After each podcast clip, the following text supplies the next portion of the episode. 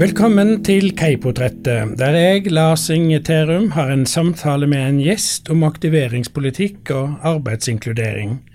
Forkortinga KEI viser til Kompetansesenter for arbeidsinkludering, som er et senter ved Storbyuniversitetet Oslo MET.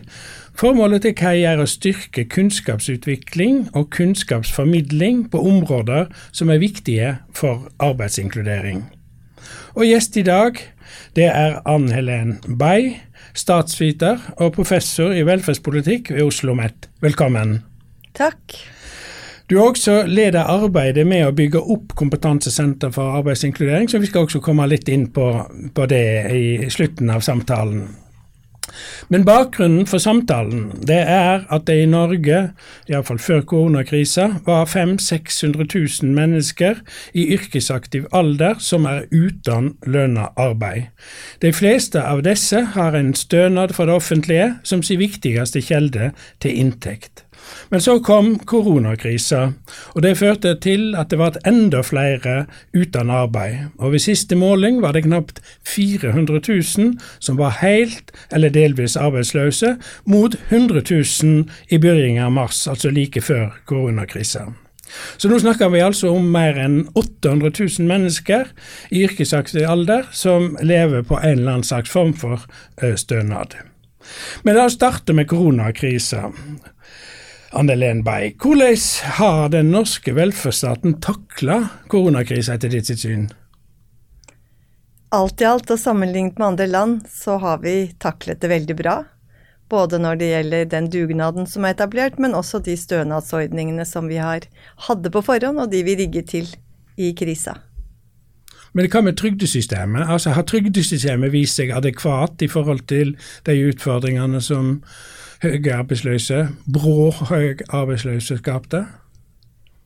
Ja og nei. Det, det krisa har fått fram, eh, er at det er visse grupper blant norske arbeidstakere, eller de som er i arbeidsmarkedet, som ikke fanges opp av eh, det sosialforsikringssystemet eh, vi har etablert gjennom folketrygden. Og det er særlig frilansere, små bedrifter, og uh, ofte kjennetegnet av at det er unge mennesker, da, yngre mennesker, involvert. Men nå har de i noen grad blitt møtt med ordninger under koronakrisa. Tror du at uh, det vil bli endring i forholdet mellom inngang til disse stønadene? Altså Tidligere er det jo veldig knytt til at du skal være arbeidstaker, men nå snakker du om grupper som ikke tradisjonelt oppfattes som arbeidstakere. Tror du det kommer noen endringer her? Ja, jeg tror vi kommer til å se på disse gruppene på andre måter når det gjelder hva de har eh, rett til eh, av eh, ytelser, og at det kanskje er noe av det viktigste som kommer ut av det for selve trygdesystemet. At vi må finne måter å sikre de som ikke fanges opp gjennom de kategoriene vi har etablert innenfor trygdesystemet. Ja. Det er noen som har tatt til orde for at vi må lage noe sånn garanterte minstestønader som enkelt og raskt betales ut. Det er litt ulike modeller for dette. Hva tenker du om det forslaget? Altså, som forslag eh, for kriseberedskap, så syns jeg det har noe for seg, fordi da kunne man sendt ut til alle, og så kunne man ordnet opp i det etterpå. Eh, men ut fra det at vi har et omfattende sosialsikringssystem som er basert på rettigheter og hvor lenge du selv har eh, vært i arbeid og hvor mye du har betalt inn til systemet, så tenker jeg at det er viktigere at vi finner måter å sluse de som er utenfor, inn, enn å lage endringer for hele befolkningen. I den debatten som jeg har hørt om dette, så får en lett inntrykk av at en skal lage noen praktiske løsninger. Mens man overser litt at disse som får tilgang til disse ytelsene, legitimiteten eller begrunnelsen for at de skal få den, er jo knytta til at de er i en bestemt situasjon. De er arbeidsløse, de er syke, de har omsorg for barn osv. Så. Tenker du at man kan frikoble tilgangen til ytlinger fra grunnene til at de eh, kommer i behov? Ja, Det er i så fall noe vi må diskutere. Fordi det er som du sier, det er en sterk eh, kobling mellom forventninger til hvordan man opptrer som samfunnsborger, eh, og hvilke rettigheter man har. Og hvis vi vil eh, lage tildelingskriterier som er helt annerledes, så må vi diskutere det. Jeg syns at vårt, eh, vårt folketrygdsystem det er innarbeidet, og det har stor legitimitet stor oppslutning i befolkningen. Så vi skal tenke oss vel før vi begynner å rokke ved det fundamentet. Så jeg er mer for en pragmatisk utvikling av systemet som gjør at vi kan fange opp nye grupper i arbeidslivet, slik som frilansere og uh, yngre mennesker som driver egen virksomhet, som kjører med stor risiko. Mm. Tenker du man skal utvikle nye ordninger for disse nye gruppene, eller tenker du at man skal endre kriteriene til de ordningene vi har?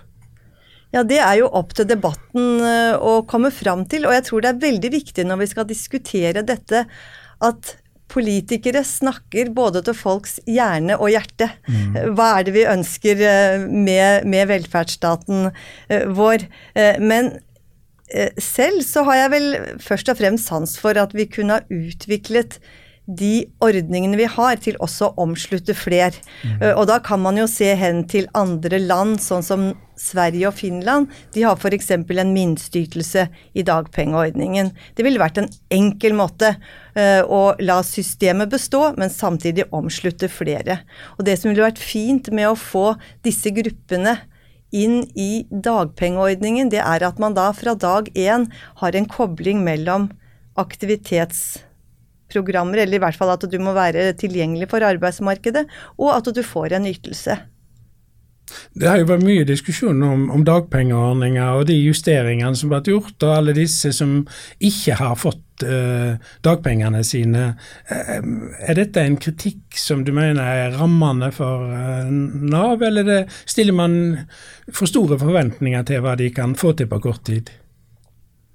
Ja, det er jo mer av et organisatorisk spørsmål det er vel vanskelig ikke å ha forståelse for de utfordringene de har stått i. Men det er klart dette forslaget om at man kunne ha betalt en, en sum til alle, og så kunne man ordnet i etterkant, den ville jo avhjulpet noe slikt. Så det kan jo godt hende at man eh, framover vil ha en slags sånn plan B hvis vi får en slik krise igjen, da. Om vi ikke nå bare snakker avgrensa om koronakrisa, men mer allment om disse nå 800 000 mennesker som er under 67 år, og som er uten arbeid, og som mottar stønad fra offentlige. Eh, hva slags problem er det at vi i et samfunn har 800 000 mennesker som eh, er i yrkesaktiv alder og ikke er i arbeid? Ja, altså tallet er jo veldig stort nå. Eh, det er mange i Norge som mottar en en trygdeytelse også til vanlig, særlig disse helserelaterte ytelsene. Men som forskning eh, viser, alt i alt så har vi ikke en stor andel på trygd i Norge sammenlignet med eh, andre land. Eh, mye av forklaringen på at vi f.eks. har mange på uføretrygd og arbeidsavklaringspenger, sykepenger, eh, det er at eh, en del av de som er på helserelaterte ytelser, de ville i andre land vært på en arbeidsledighetstrygd. Så hvis jeg forstår deg rett, da, så kan du si at vi ikke har spesielt stor del av befolkningen på trygd i Norge sammenlignet med andre land, men det er vel få land i Europa som har så mange på helserelaterte ytelser som, som det vi har. Så, så, hvorfor, har vi så, altså, hvorfor har vi så mange på helserelaterte Er vi så syke i dette landet? ja, for det, det, viser jo alle sammenligninger at vi er ikke det.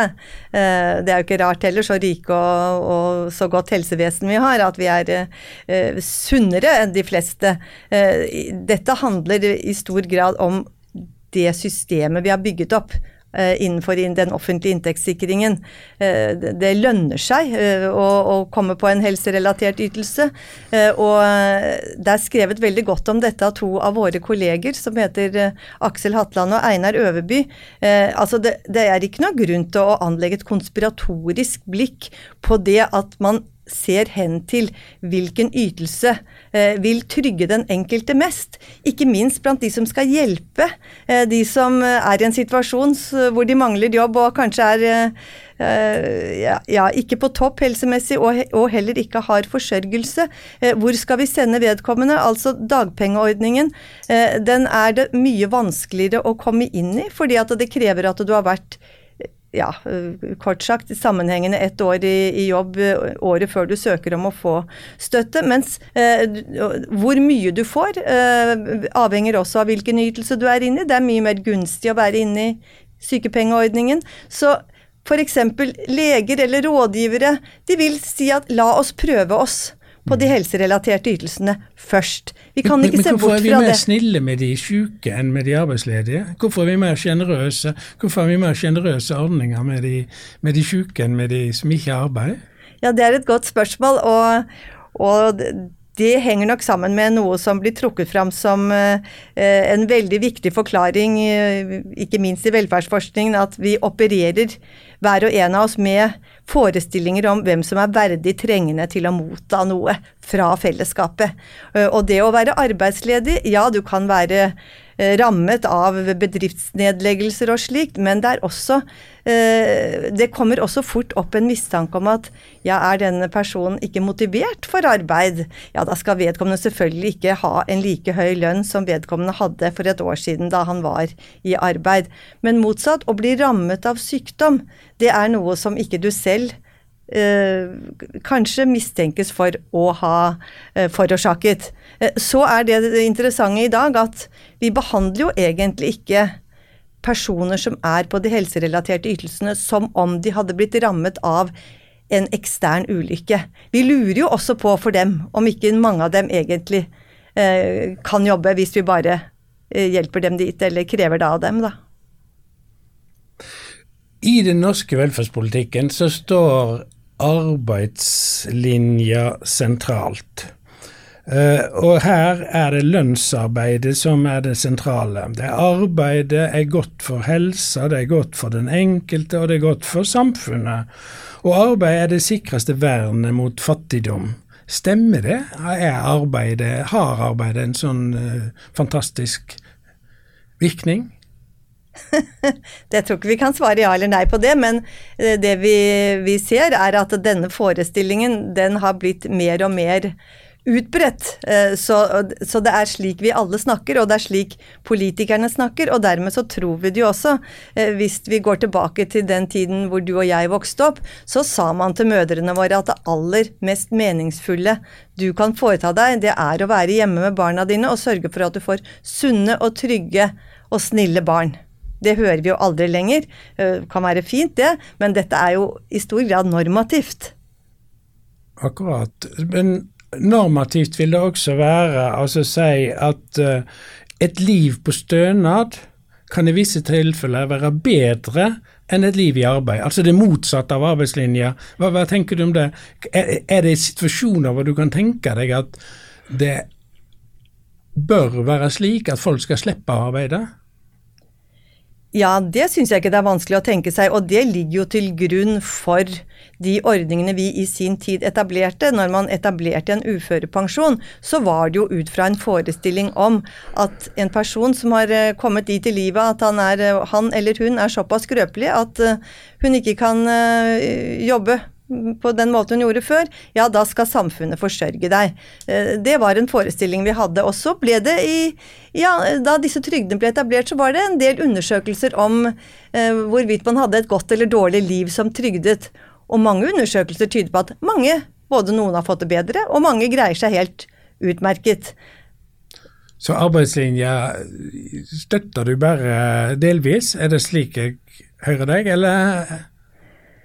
Nei, jeg støtter arbeidslinjen i den forstand at hver og en skal gjøre uh, sjel og nytte for seg, men, uh, men jeg syns vel fortsatt vi skal uh, helle kaldt vann i blodet på oss selv når det gjelder forestillingen om at arbeid løser alle våre menneskelige behov.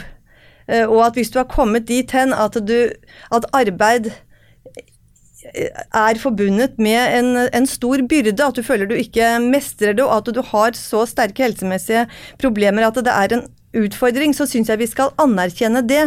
Og også legge veldig mye eh, arbeid i å identifisere altså hvem er det som har det slik, Og, og hvordan skal vi da sørge for at de skal vi ikke herse med? Jeg syns ofte at vi kanskje diskuterer det litt for lite. Ja, og du leder jo, du er jo primus motor i dette som blir kalt for Kompetansesenter for arbeidsinkludering. og det øh, ja, men så Kanskje starte, hva er det et kompetansesenter for arbeidsinkludering særlig holder på med? Altså Hva er det formålet, hva er poenget med et slikt senter? Ja, poenget med at det i sin tid ble opprettet eh, som et samarbeid mellom Oslo OsloMet og, eh, og, Nav, var å samle og utvikle kunnskap som kan belyse hva som skal til for at flest mulig får eh, muligheten til å realisere seg på arbeidsmarkedet. Så det ene er altså kunnskapsutvikling, men det er vel også opplæring og undervisning inne i disse planene? Det ligger også inne som en forventning, og det er jo noe vi har prøvd kanskje i økende grad også i KAI, og, og samhandle med omgivelsene på en måte som gjør at den eh, kunnskapen som utvikles, kan tas i bruk. Hva slags utfordringer har vi der? Med, altså er de som jobber i Nav på ulike så, Følger de med på ny forskning, og, og får den konsekvenser for praksis? Jeg har inntrykk av at eh, det er veldig stor interesse for forskningen, både i Nav og, og, og, blant de som eh, lager politikk i departementer og blant politikere. Men vi har vel enda ikke fått til å lage samhandlingsformer som gjør at vi mer løpende kan ta kunnskapen i bruk. Mm. Eh, der har vi en vei å gå. Hva vil du si er de viktigste aktivitetene som som uh, KAI, Kompetansesenter for arbeidsmiljø, har for å bidra til informasjon og kunnskap? Utover denne podkasten som vi nå har, uh, som vi, vi, snakker om. Ja, vi har jo uh, en stund nå, halvannet år vel, hatt KAI-frokoster, som går fra klokken åtte til halv ti om morgenen på campus på Oslo OsloMet. Og vi har jo erfart en forbausende stor oppslutning om disse frokostene. Både at mange kommer igjen og igjen, og at vi egentlig også stadig ser eh, ny, ny tilstrømming. Så at det er et, et, et, stort behov for å få forskerne i tale, eller lærerne. Det, altså, dette er jo både forskere og lærere innenfor sosialfag og osv. Eh, det, det, er den frokosten et tegn på. Eh, og så er det jo slik at veldig mange altså samhandler med med Nav og, og andre lignende eh, institusjoner gjennom foredrag, gjennom eh, forskning som har deltakende observasjon, og som en dermed liksom blir involvert i hva som foregår. Så, men den viktigste, viktigste, det viktigste oppdraget til Kai eh, i forhold til at vi allerede har mye forskning, det er å nå ut. Eh, og det å få til en gjensidighet. Eh, og jeg tror at vi der kan også bli enda flinkere gjennom eh, gjennom å etablere en, en, form for dialogiske arenaer, vil jeg kalle det. Hvor vi møtes, og hvor vi, hvor vi, møter representanter for forvaltningen, og sammen kan diskutere hva innebærer disse funnene. Hva innebærer dette for deres forvaltning?